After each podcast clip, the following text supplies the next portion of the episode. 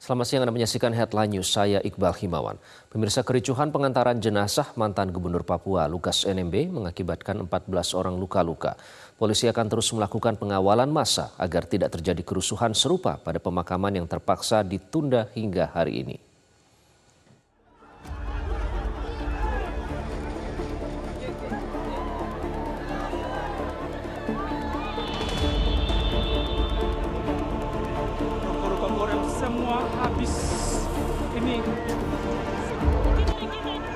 14 orang luka-luka akibat kericuhan pengantaran jenazah mantan Gubernur Papua Lukas NMB di depan Sekolah Teologia Atas Injili Stakin Jayapura, Papua dan titik lainnya hari Kamis.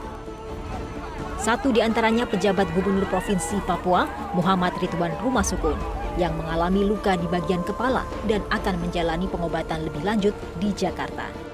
Tujuh polisi dan satu tentara serta lima warga juga terluka.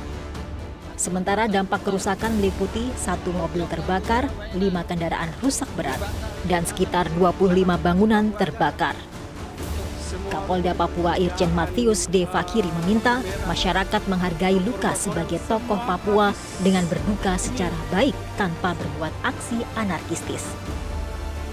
Nah, saya sangat berharap sekali lagi kepada anak-anak kami, saudara-saudara kami yang berduka, mari berduka yang benar sesuai uh, budaya kita di orang Papua, bukan melakukan hal-hal yang merusak, mencederai sendiri uh, martabat dan harkat kita sebagai uh, anak Papua.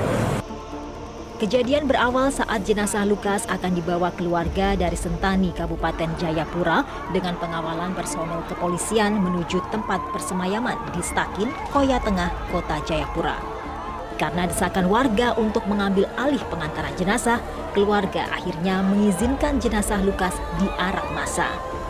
Kericuhan pecah saat ada yang memprovokasi massa di barisan paling belakang untuk melakukan pelemparan batu kepada anggota TNI Polri yang tengah melakukan pengamanan. Polisi akan terus melakukan pengawalan massa agar tidak terjadi kerusuhan serupa pada pemakaman yang terpaksa ditunda hingga hari Jumat. Namun jika terjadi aksi lanjutan, Polda Papua tidak akan segan melakukan tindakan tegas. Tim Liputan Metro TV.